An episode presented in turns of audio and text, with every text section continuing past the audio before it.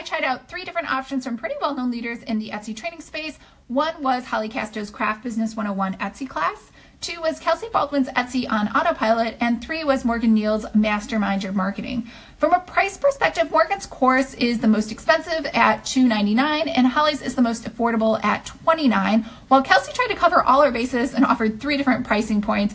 One, the basic for 149, which is the video-based lectures and ebook, and the full course for 249, which includes bonuses and quarterly calls, as well as some templates. And the third is a splinter offer from the full course, which is the ebook only for $74, and that was one of the bonuses in the full course. Kelsey and Morgan actually teamed up to sell their courses as a bundle for $449. That's a $99 discount off the full price, and that included Kelsey's full $249 course. From a course format and delivery standpoint, they all offered basically the same thing. It was a combination of video, text, and PDF downloads with Holly focusing mostly on text-based lectures and Kelsey and Morgan's courses more heavily skewed towards video-based lectures. It should be noted that while Kelsey and Morgan's videos were almost 100% slide-based, neither one of them shared any of those files. So Kelsey did an excellent job, though, of providing a very well outlined and robust ebook to go along with the course, which is actually better than her slides. Whereas Morgan didn't provide any of her slides, but she did provide worksheets and glossaries and really things that I would consider content upgrades that you find in a blog post. So having her slides would have been helpful. What platform were they delivered on? Holly delivered hers as one big long Squarespace post, and Kelsey delivered hers on Teachery, and Morgan delivered hers on Teachable.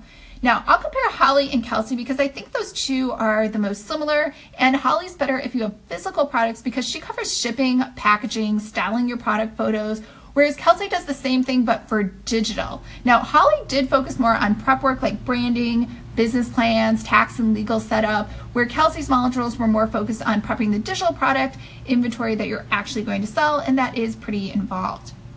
Now, Morgan's marketing course gives you strategies on three different platforms blogging, Instagram, and Pinterest. She also goes into Marmalead for SEO, uh, and that's because she's an affiliate, I believe, and two other modules on one on email marketing and one on running promotions. So the question is, is it worth it? So for Holly, yes, uh, as long as you understand it's more focused on physical rather than digital, but I'm a huge fan of Holly Castrow and her YouTube channel, and pretty much anything that she did not answer in those videos, I emailed her directly and she answered not only very quickly, but she was also super thorough and helpful in just pointing me to exact websites on where I could purchase things.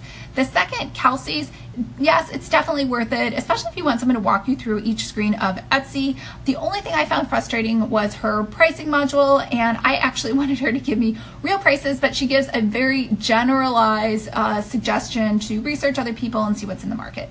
So, um, Morgan, yes, uh, only if you are brand new to marketing and you've never heard of Pinterest and you don't understand how to do marketing.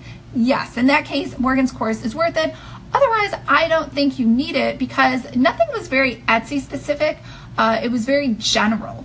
So the only thing that she pro provided real training for was Marmalead, and that's because she's an affiliate. Uh, same thing with Bo Board Booster because she's an affiliate. So I definitely would repurchase the first two and not Morgan's. Uh, but that's just for me, and it's not that she has a bad course. I just, I've already, if you already understand how to blog or Pinterest or Instagram or anything else, um, you don't really need that for helping you to sell on Etsy.